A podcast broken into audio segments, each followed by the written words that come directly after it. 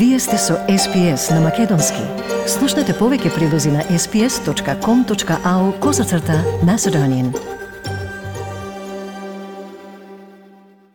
На SPS на Македонски, јас сум Радица Бојковска Димитровска. Трошоците за живот повторно се во центар на вниманието, бидејќи инфлацијата се зголемува над очекувањата, а платите стагнираат. Во меѓувреме дебатата за климата повторно е во игра во коалицијата, додека премиерот се обидува да ги обвини лабористите за скриен данок, што всушност е нејзина собствена политика. Вие сте со SPS на Македонски. Ако сте забележале дека цената на намирниците, стоките и горивото се зголемува, не сте сами.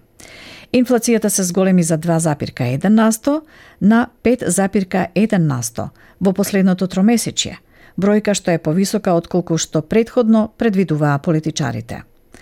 Во меѓувреме реалните плати останаа стагнантни, што значи дека не се во чекор со тие зголемени трошоци. Премирот Скот Морисон вели дека порестот на инфлацијата во голема мера се должи на она што се случува во светот и зголемените цени на нафтата и маслото. We have got significant forces impacting on our economy and economies all around the world and that has been principally driven, as we know, by those big surges in petrol prices and oil prices. But that is occurring as a result of forces we're seeing far away from here. Но опозицијата вели дека трошоците се зголемуваа и пред конфликтот во Украина. Портпаролот на Министерството за финансии на опозицијата Джим Чалмерс вели дека владата треба да преземе одредена одговорност. Австралиците посочува тој се сосема уништени под притисокот од вртоглавото зголемување на трошоци, трошоците за живот, додека платите стојат во место за време на владата на Морисон. Australians are getting absolutely smashed by the rising cost of living on Scott Morrison's watch. This is Scott Morrison's triple whammy of skyrocketing costs of living, rising interest rates, and falling real wages. Лабористите исто така објавија своја буџетска стратегија што би требало да заштеди 5 милиарди долари во текот на 4 години.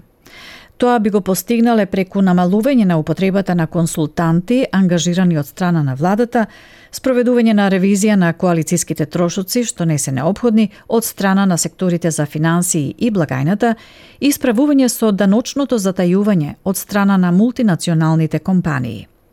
Джим Чалмерс вели дека очекува постојана кампања на заплашување од политичките противници.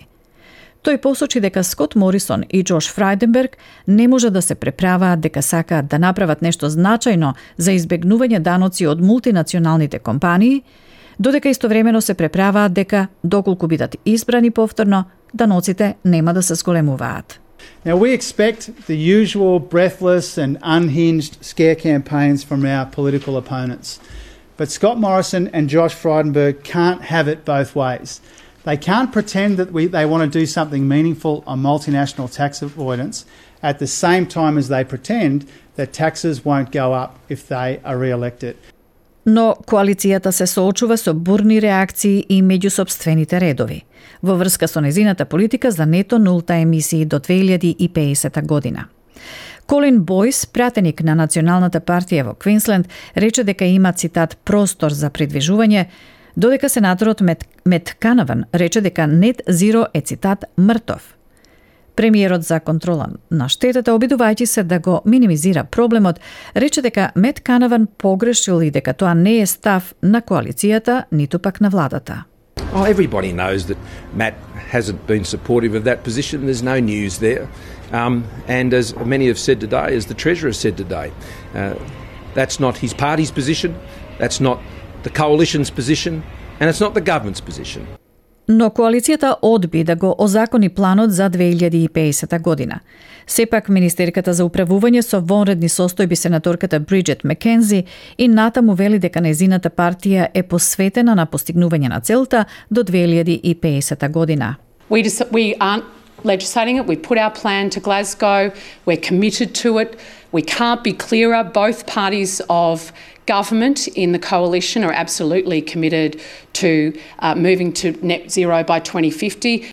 Коалицијата се обиде да ја преобликува дебатата, тврдејќи дека лабористите ќе воведат данок на јаглерот ако победат на изборите. Но лабористите велат дека ги користат истите заштитни механизми поставени во времето на Тони Абот во 2013 година. Заштитниот механизам може да се користи за да се постават ограничувања за емисиите за најголемите загадувачи со јаглерод, но досега ограничувањата на владата не влијаја врз индустријата. За време на лабористите тие ограничувања, веќе воведени од коалицијата, би можело да се намалат. Премиерот тврди дека тоа би било данок на јаглерод, што е различно од начинот на кој владата го користи механизмот сега. Морисон вели, додека владата вовела стимулации, лабористите ќе воведат обврски и ќе издаваат казни за тие компании, и дека лабористичката партија ќе воведе данок на мала врата за традиционалните индустрии во земјава. The fact that we put incentives in place, what Labor is doing is binding them on this and issuing penalties on those companies. So they couldn't be more different. What Labor has is a tax, a sneaky carbon tax on traditional industries in this country. Портпаролот на лабористите Джейсон Клер вели дека нападот покажува дека коалицијата коалицијата е цитат очајна. Според него политиката на владата воспоставена од Тони Абот, а применета од Скот Морисон, се однесувала на истите компании на кои ќе влијае и политиката на лабористите – и дека повеќето од тие компании се представени од Деловниот совет на Австралија, кој што веќе дал препораки како да се подобрат работите. Токму така и ќе направиме, рече господин Клер. This is the government's policy, set up by Tony Abbott, implemented by Scott Morrison, same companies under us as under them. Most of them are represented by the Business Council of Australia, and the Business Council of Australia, Sarah, have given us recommendations how to make it work better. And we're going to do just that. Тоа беше портпаролот на лабористите Джейсон Клер во прилогот на SBS News од Кришани Дјани. Сакате ли да чуете повеќе прилози како овој? Слушате подкаст преку Apple Podcasts, Google Podcasts, Spotify или од каде и да ги добивате вашите подкасти.